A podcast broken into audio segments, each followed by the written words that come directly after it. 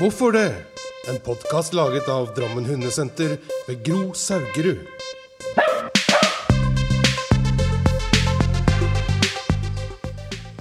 Ja, vi um, skal fortsette en kjempespennende uh, greie med valper, eh, Gry. Du er fortsatt uh, med. Ja. Og uh, når vi prata sammen forrige episode, så snakka vi om valpesosialisering i stor grad. Og så skal vi egentlig snakke videre om valper, og eh, om eh, mye som veldig mange ikke veit, og kanskje ikke tenker på i det hele tatt. Og det er alt som skjer fra start Til man henter valpen. til man henter valpene. Ja. Mm. Hvor skal vi begynne hen? Ja, hvor skal man begynne? Ja, men jeg tenker, vi, kan jo starte egentlig med mor og far. Mhm. altså, Oppdretter velger jo et par foreldredyr. Mhm. Eh, og der er det faktisk mora, tispa, som bidrar mest. Ikke genetisk, men hun bidrar med sin atferd og sitt miljø. Så hvis mora, altså tispa, er en stressa hund Det kan være lært atferd, og det kan være arvelig, det vet vi ikke noe om. Eh, så vil hennes stress kunne påvirke valpen på flere måter. Det ene er det at eh, det påvirker noe rundt genene, styringsmekanismen av genene. Det heter epigenetikk. Eh, Jeg skal ikke gå inn på det. Eh, Men det er liksom hvordan, hvordan genene blir slått av og på, og hele den balletten der. Eh, Så påvirker det også at hvis at tispa er stresset og har et høyt sånn basalt stressnivå, så vil det også gjøre at det påvirker valpenes binyrer, sånn at de også eh, vil være mer mottakelig for stress. Det er det vi kaller for prenatalt stress. Så der har du faktisk valper etter stressa tisper som blir født stressa. Eh, så det har en hormonell påvirkning. Sånn, det, er ikke, det er ikke noe arvelig, men binyrene til de valpene kan være forstørret fordi tispa var stressa. Og spesielt viktig i den siste tredjedelen av drektigheta.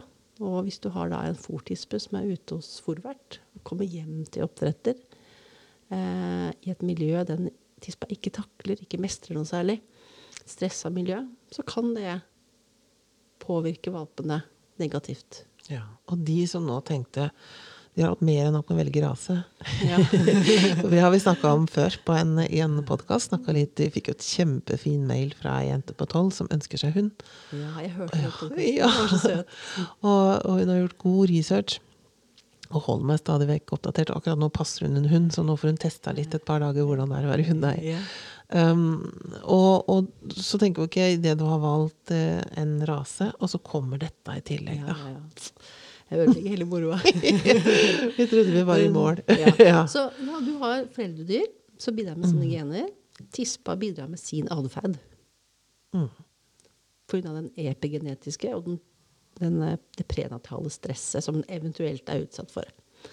Eh, og så er det valpene som påvirker hverandre også. Fordi at eh, inni Ja, så om ikke det var nok alt du har sagt før nå, så, så kommer det nå en liten ja. ting til. Ja. og det er flere andre ting, men vi tar bare de grøvste. Ja. eh, et valpekull består jo av tisper og hanner. Og inni tispa så ligger det da i to sånne børhorn, som det heter. Det ligger som perler på to snorer. Eh, og valpene er jo i utgangspunktet så er det intet kjønn. Altså, ja, et eller annet sted på utviklingen her, eh, fosterutviklingen, så begynner hannene å bli hanner. Eh, og da produserer de etter hvert testosteron. Og det testosteronet det maskuliniserer hjernen. Testosteron blir omdannet til dihydrotestosteron. Og så får du flere Du ser jeg sitter og smiler litt nå, for jeg, jeg, jeg har jo helt vanlige valpeeiere på kurs, og de detter jo litt av når vi bare snakker om ja. sitt og dekk og sånn. ja. Skal, skal vi gjøre det veldig Nei, nei, kjør på. Dette her er kjempeinteressant. Um, så testosteronet uh, påvirker hjernen, gjør hjernen mer maskulin. Uh, altså, du får flere reseptorer for testosteron. Da. Uh, det siver også ut i fostervæska. Så hvis du har en hanne som, har, eh, som ligger ved siden av en hann, så vil de påvirke hverandre begge to. Ikke at de får litt mer testosteron enn hvis de bare var påvirket av sitt eget testosteron. Men så hvis du da har en tispe som ligger mellom to hanner, så vil hun også bli påvirket av testosteronet. Eller hvis du har tre hanner, da blir det enda mer. Altså, så, men i praksis så kommer jo valpen ut sånn annenhver. Først fra høyre, og så fra venstre, og så fra høyre, og så fra venstre igjen. Men vet vi om det var like mange på hver side? Det kan det hende at det er noen foster som ble misdanna og tilbakedannet og ikke ble noe ut av. Eh, så det kan være fire på én side og to på den andre. Det kan hende at når de skulle ut, så var det en som lå litt skjevt, så da kom det plutselig to på rad på denne siden likevel. Så vi har ikke den helt eksakte kunnskapen om hvordan de lå. Men man kan anta at Man gjetter da, at la oss si at de kom fra annenhver. Så kan man jo da få en sånn noenlunde kanskje oversikt over hvem som lå sammen med hvem. Eh, og så har du men, men hva har dette å si? Ja, jo, i praksis så får du da mer maskuline eh, hanner. Og du kan også få mer maskuline tisper. Eh, det er ikke noe vi kan gjøre noe med. Det bare er sånn. Så, og så er spørsmålet da Hvis du har et kull med fire hanner og en tispe, f.eks., så er det jo stor sannsynlighet for at den tispa lå siden av en hann. Og det er stor sannsynlighet for at hver av de hannene også hadde en hann til nabo. Eh, så da Hvis man da er førstegangs hundeeier, så vil det kanskje være mer ideelt da også kjøpe en hund eller valp fra et kull som var mer jevnt, enn et kull som besto primært av hanner, eller kanskje bare hanner. Fordi en eh, mer maskulinisert hannhund kan være en større utfordring for en førstegangs hundeeier. Hvis jeg skal tippe akkurat nå, så sitter 99% og tenker Hjelp! Dette, dette hadde jeg ikke peiling på. Ja. Eller kanskje de sitter nå og gleder seg. Om en uke skal de hente valpen, og det var Mm. bare hanner. Vil det her bli en katastrofe? Nei, nei, nei. Nei. Men skal vi, skal, vi, skal vi tegne en sånn uh, potensielt uh, løp for at det går til helvete? Hvis vi tegner at det kan gå bra etterpå. ja. Vi tar helvetesløypa først. Helvetesløypa først. Ja. Ja. Eh, Hvis du har en oppdretter som har valgt foreldredyr til valpen, som, som blir valgt ut av alle andre kriterier enn atferd, Ja. Eksempel at de bare er pene. eh, ja, og at atferden kanskje ikke var helt god. Ja. Det kan godt være at de var veldig redde, eller at de var veldig aggressive, eller et eller annet. Eh, oppdretter bor eh, langt borterst innerst i en dal. Eh, valpene oppdrettes ute i stallfjøs, skjul eller garasje. Eh, du henter valpen når den er tre måneder gammel. Eh, Valpekullet består av bare hanner. Eh, og jo, fortis, det var en fortispe også. Ja, så hun kom inn Hun på kom slutten inn. og trivdes ikke så godt. Trivdes ikke så godt, var ikke vant til det miljøet. Eh, og så bor du i et urbant strøk. Ja. Det var helvetesløypa. Ja. Ja. Kan, kan liksom rasen ja, kan, Hvis man liksom tillegger at dette ligger til en rase som kan ha sin utfordring, kan det liksom gjøre det enda verre? Eller Ja, altså betyr du, ikke det så mye? al- altså, hos alle raser så er det variasjon. ikke sant? Du har alpen etter sånn normalfordelingskurve. Men noen raser er jo med noen atferd mer vanlig, sånn at da er man litt mer sikker på at dette, da har du med arv å gjøre. Um, så hvis du har raser som har tendens til å være litt aggressive, eller du er høyt redd for ting og sånn Frykt og aggresjon henger jo sammen. Frykt og aggresjon, som vi kaller det. Um, da er det større sannsynlighet for at det ikke går så bra. Men så har du andre raser hvor de er mer robuste.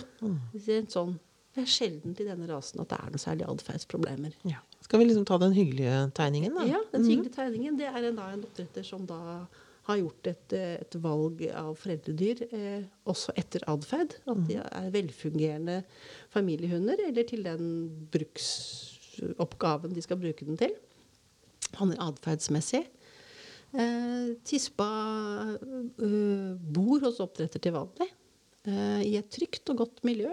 Eh, valpene blir født og oppvokst inne i hus.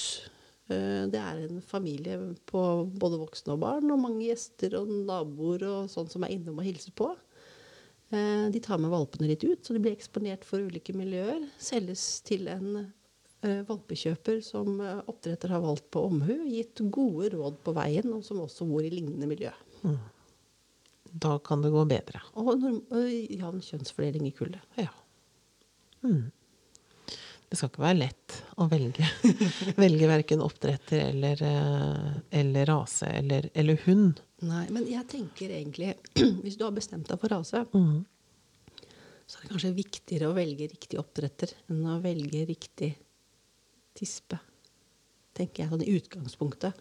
For en rikt, altså, la oss si at du skal ha rase A. Og så har du da en tispe der som har en merittliste innenfor utstilling eller hva det måtte være. Altså, å, denne vil jeg ha en valp etter. Mens dessverre så har den tispa en oppdretter som ikke er noe flink med å gi valpene et godt miljø. da. En god start i livet. Da ville jeg heller kanskje valgt en annen oppdretter som har en tispe som ikke har akkurat den samme merittlisten, men kanskje nesten. Eller hun B på lista di. Så jeg tenker at ø, det tidlige miljøet er så viktig. Påvirker så mye. Ja. Sånn at Derfor er det viktig å, at man heller da velger en oppdretter som gjør en god jobb, fremfor eh, en tispe som har en merittliste. Det er ganske mye å tenke på. Ja. Og vet du hva jeg skulle ønske, Gry? At folk meldte seg på. Mm. Jeg tror du kan tippe hvilket kurs. Eh, Kurset for de som skal kjøpe hund, Ja. som mange har prøvd å arrangere i alle år, men ingen melder seg på. Nei. Og alle som kommer på valpekurs, sier 'Å, dette skulle jeg visst før vi kjøpte hund'. Og hvordan kan man slå et slag for det? Vi har gjort det. Altså, vi har, vi har så å si aldri klart å arrangere kurset, men vi har gitt det bort. Vi har tatt betalt. Altså, vi har gjort alle ting vi kan Mm. For å få folk til å komme, så vi kan være en kanal til å snakke med dem, hjelpe dem til å tenke riktig For jeg, jeg tenker riktig rase er liksom litt aktuelt. og det Er sånn, er det, er det viktigere at jeg, at jeg velger riktig individ framfor rase, spurte hun tolvåringen. Tenke seg til, ikke sant? Ja. Skulle tro hun var 40. For det er et så godt spørsmål. Ja. Jeg, tenker jo at eh, selv om det er ulike linjer innenfor rasene, så, så gir liksom en rase en sånn viss indikasjon på at hvis du velger en rase innenfor stående fuglehunder, f.eks., si en setter, så vet du sånn noenlunde hvordan den kommer til å oppføre seg sånn. Ja. Ja. Og kjøper du en, en bufevoktende hund, så vet du liksom inni der så ligger det litt vaktsomhet. Det kan ligge litt ulike egenskaper. Kjøper du en labrador eller en retriever, så vet at den kommer til å bære alt i munnen og bade i alt som er vått. Altså, ja, du kan liksom si litt grann sånn at røffelig i taket at dette kan du forvente deg. Så, men jeg skulle så gjerne fått i gang det kurset, og at folk meldte seg på. Ja. Kom og hør fra oss som har hatt en del hunder, som kan en del, og som prøver objektivt å fortelle f.eks. det du har fortalt nå. Det er jo på en måte bare fakta. Ja. Men en, en annen ting også er, er jo det at eh, de som oftest har hunder med atferdsproblemer, er førstegangshundeeiere. Mm. Men så har man ikke helt sett på hvorfor. Så det har vi ikke noe data på. Så vidt jeg er kjent med, i hvert fall. Men jeg har en idé. Hva tenker du? Jeg tenker at en førstegangshundeeier ikke klarer å, å gjøre et kvalifisert valg på rase. Klarer ikke å gjøre et kvalifisert valg på oppdretter. Klarer ikke å hva skal jeg si, være kritisk og få hentet valpen i rett tid, altså åtte uker. Kanskje vi skulle si litt om den aldersgreia etterpå. Eh, og har ikke trent hund før. Uh, og den derre pedagogiske biten, da, etter at de får valpen i hus. Så ha, jeg tror nok den derre kvalifisert kjøp-delen er en stor del av det. Men ikke alt, selvfølgelig. Men, eh, men hadde en, en eh, val, førstegangs valpekjøper vært en mer kvalifisert kjøper, så tror jeg vi kunne gjort en god og godt arbeid med å unngå en del atferdsproblemer. Ja, og, og jeg tenker jo på Hun skal jo liksom være til glede, hygge og nytte, og, og det skal jo bare være hyggelig. Og veldig mange som kjøper seg hund, har jo det som, som eh, sitt bilde. Det er derfor de kjøper hund. Og så går det ikke alltid sånn. Det kan komme problemer ganske tidlig. Og da snakker jeg ikke om de vanlige valpeproblemene. Og, og det vanlige valpeproblemet hos oss, det er biting. At de gnager og biter. Og det, det er ikke valp, det er en piraja. Liksom. Det, er, det er en helt annen de er, Makulator. Ja, ikke gærne. uh, så, så det går på sånne helt vanlige ting. Ja. Men så ser man jo, uh, uten at vi skal liksom snakke altfor mye om problematferd, så ser vi jo hvor mye det berører. um, og et av de spørsmålene som jeg har på min teoridel, det er at jeg stiller alle i familien det samme spørsmålet. Og barna er ofte med da, på teorikvelden. Så sier jeg hvordan er det å være hundeeier for deg akkurat nå? På en skala fra én til ti. Ja. Det er én, det er rett før den reiser rett tilbake dit den kom fra. Ja. Og ti det, altså er det beste valget vi har gjort. ja. Og så, for meg da, så er det litt viktig at, ikke, at familien ikke blir enig. For her ligger det faktisk ganske mye opplysning. Og eh, nå har jeg liksom blitt så gammel at, eh, at jeg er opptatt av litt annet enn bare hun i denne familien. Jeg syns det er veldig spennende med interaksjonen, altså med samhandlinga som barna har med hunden. Ja. Eh, barn, voksen, hund. Altså alle disse tingene. For at det, jeg opplever noen ganger at foreldrene ser på um, At de liksom blir irriterte på barna. Og liksom sier at ja, der ser du Når du løper over gulvet altså Barna blir plutselig litt ansvarliggjort for hvorfor valpen skal opp, hvordan den skal oppføre seg bra. Og dette blir jo en ny verden for mange barn. At ikke de får lov å ha venner på besøk. Og det ble ikke sånn som man lovte og håpa. Men det som, eh, det som mange barn sier for Det er litt forskjellig med alder nå, da, hvordan de kan uttrykke seg. Men de forstår veldig lett det her med tall. Ja. Og da er det mange barn som scorer altså lavt. Ja. Mm, det, er ikke så, det er ikke så lett å ha denne hunden, da. Og da tenker jeg at da er jo det valp. Dette her er jo valp, helt van, vanlige ting. Men så tenker jeg liksom på det du sier nå. Alt det som skal ligge til grunn for at dette skal kunne gå bra. Når man vet hvor mye det påvirker når det ikke går bra. Det kan jo påvirke familien veldig, veldig negativt. Ja, ja. Det er jo Ja. Konflikter i familien kan oppstå pga. hunden. Og det som jeg har jo også sett eh, av og til på sånne der, mm, diskusjonsfora at folk skriver 'Skal jeg velge hund eller mann?' liksom. Ja, det er, det er kanskje litt sant. Eh, Så nei, men, men eh, enighet om hvordan man skal oppdra denne hunden også. Altså Hvis mor er belønningsbasert og far er veldig på strafferen, så har jo de en konflikt i utgangspunktet som de kanskje burde ha ryddet opp i før de skaffet seg valpen. Kanskje de ikke visste at det var sånn. Ja, det kan godt hende, det For det er liksom sånn arvesølv også, tenker jeg. At uh, man er vant til et miljø. Det kan kanskje komme liksom fra en familie der far og farfar og liksom hele den gjengen har drevet på den måten. Eller svigerfar, eller hva det er. Og så har man liksom en annen eh, som har en annen oppfatning av det. Det kan jo skape store konflikter. Ja. Men det kan jo bli den vi har, vi har mye å prate om. Vi kan prate, prate lenge. Kan komme oftere til Lier. Ja. Men hvis vi skal gå litt tilbake igjen til det som denne delen handler litt mer om, alt det man ikke visste, altså Ja. det som påvirker valpen før den hele tiden blir født, Ja. Så sa du også noe om hentetidspunktet. Ja. Jeg tenkte jeg bare skal si litt om ting Altså, når valpen blir født, så kan man jo Da, da, starter egentlig habitueringsperiode. Men den kan ikke høre, den kan ikke se. Men den kan lukte, og den kan kjenne. Så den lukter jo at du er der. Eh, Den kjenner at du tar på den. Så eh, mild håndtering av valpene, ikke noe sånn overdrevet, men bare uh, vær litt bevisst på at du gjør det.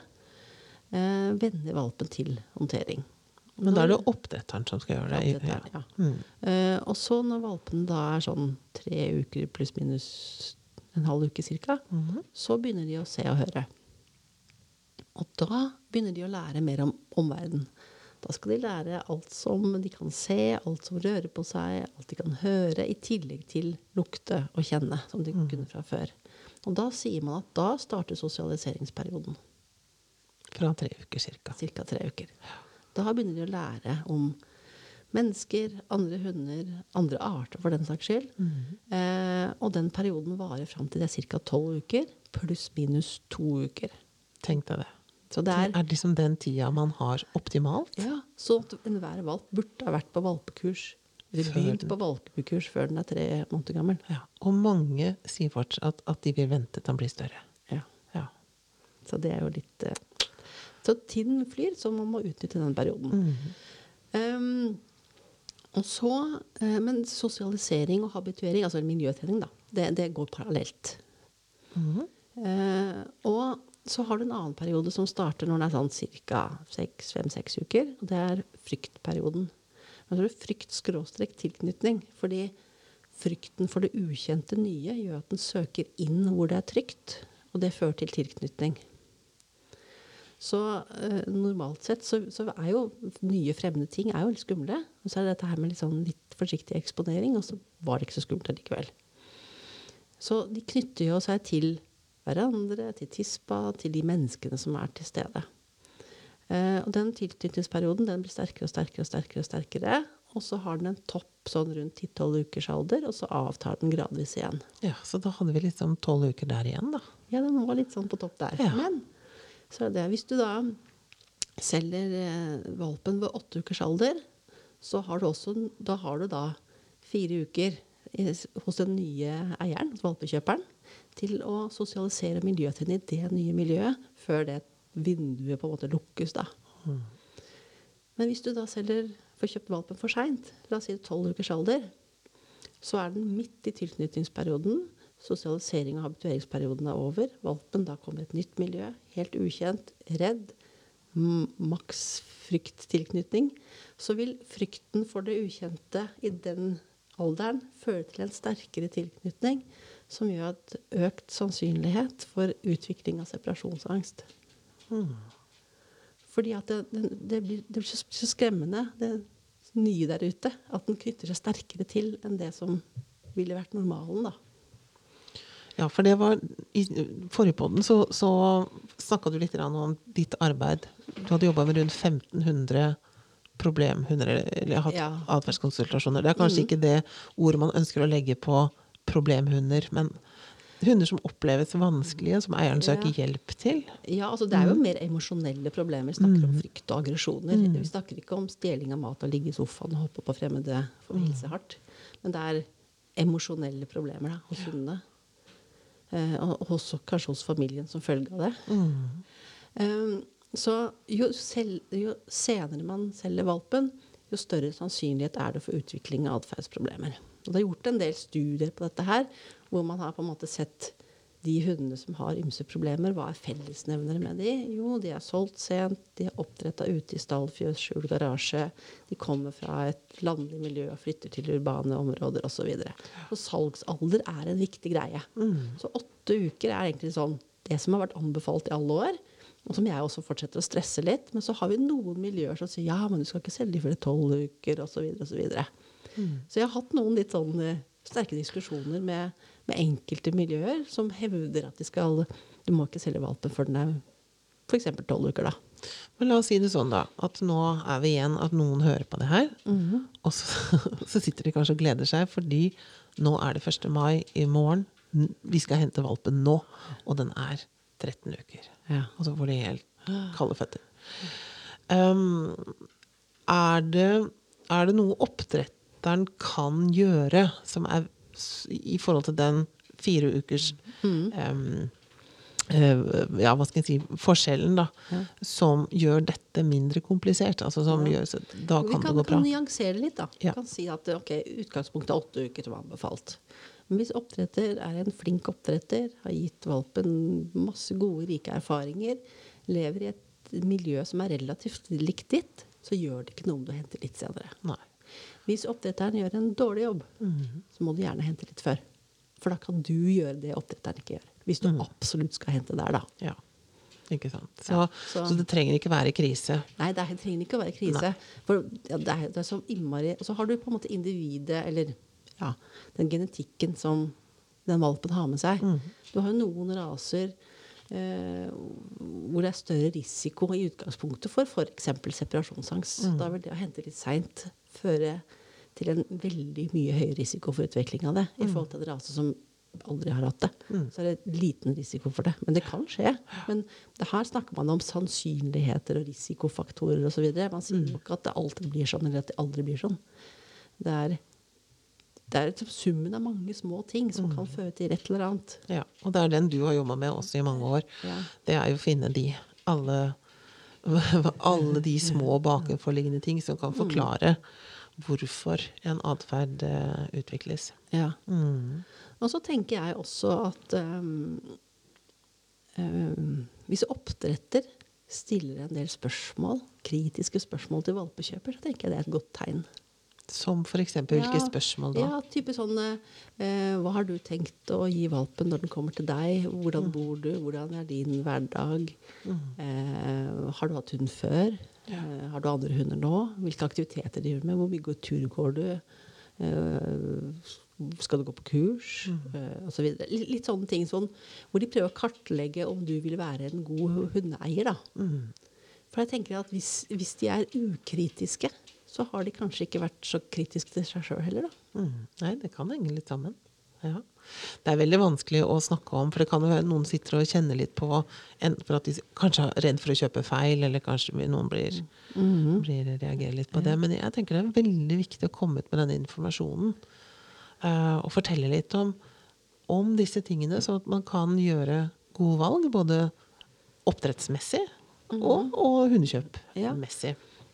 Og jeg tenker at oppdrettere har jo faktisk et helt ans eh, en del ansvar. Det er oppdretterne som velger foreldredyr. Det er oppdretterne som gir valpene et miljø. Ja.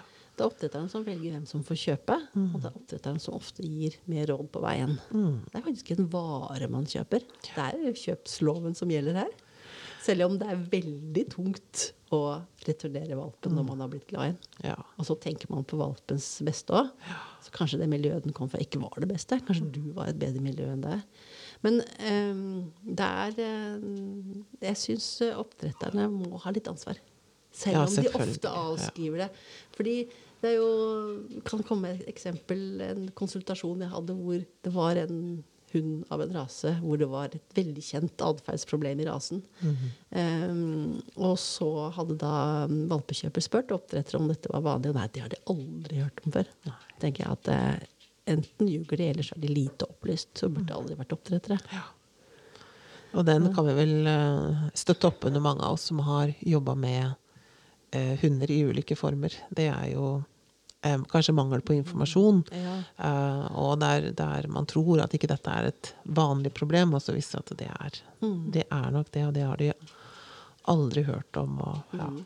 Men så må vi også ta en høyde for en annen ting. Det er det at eh, selv om alle forhold ligger til rette for at det skal bli bra, plutselig så gjør det ikke det. Nei, hva kan grunnen til det være, da? Nei, det er- kan være en slags mutasjon i et eller annet reseptor i hjernen. Som sier at nå har du resept, en annen variant av reseptoren for serotonin, f.eks. Da blir det en helt annen type hund. Sånn atferdsmessig. Eh, så mm, sånn kan skje. Og det er jo ikke oppdretters feil. For det er jo biologi vi har med å gjøre. Men vi snakka litt om det, Gry, i stad. For da drodla vi litt rundt din jobb som, eh, som Altså at du jobber med disse hundene som har, har det vanskelig, eller eierne syns det er vanskelig å ha dem. Og da snakka du litt om den skylden. Ja. Ja. Det er veldig mange som sitter med skyldfølelse. Ja. Og, og, og man løser ikke et problem med det. Nei. Og så er det ofte det at det, det, ja, det oppstår et atferdsproblem som følge av et eller annet vi ikke har noe kontroll på. Eller det kan være eksempel det kan være noe som man kan, kan forklare, at en hund ble syk, og som følge av den sykdommen så endret den atferd. Um, og da er jo ikke det hundeeiers feil. Og det er jo mange hundeeiere som, som har tett eh, forhold til oppdretteren sin, og de ringer ofte til oppdretteren og spør om ting som har med hunden å gjøre. Uh, og hvis, hvis oppdretteren også føler at nå skal valpekjøpet legge skyld på meg, så er det mange av dem som da er ute med piggene. Så der, er- oppdretter trenger ikke ha skyldfølelse. Valpe, eller hundeeier trenger ikke ha skyldfølelse. Det er bare å prøve å informere, spørre, løs problemet. Men følelser er selvfølgelig vanskelig å styre. Men på konsultasjoner så, så opplever jeg at folk har kommet med skyldfølelse. Og så har vi eh, funnet ut av hvorfor hunden gjør som den gjør. Vi har sett det litt i perspektiv, sånn at hun hundeeier finner ut at eh, det er faktisk flere som har det samme problemet. De er ikke alene her i verden. Og at det lar seg løse. Eh, og da blir de liksom fridd litt fra den derre skyldfølelsen. Ja, og det, Det er sjelden at det er hundeeiers feil at atferdsproblemer har oppstått. Du har tidlig miljø som en faktor, du har helse som en faktor, du har tilfeldige hendelser i miljøet som du ikke har kontroll på som en faktor. Og, og, og når det en eller flere av de dukker opp, så har ikke hundeeier kontroll på det. Det skjer å få et atferdsproblem som man må prøve å løse det beste evne, og man har ikke skyld nødvendigvis.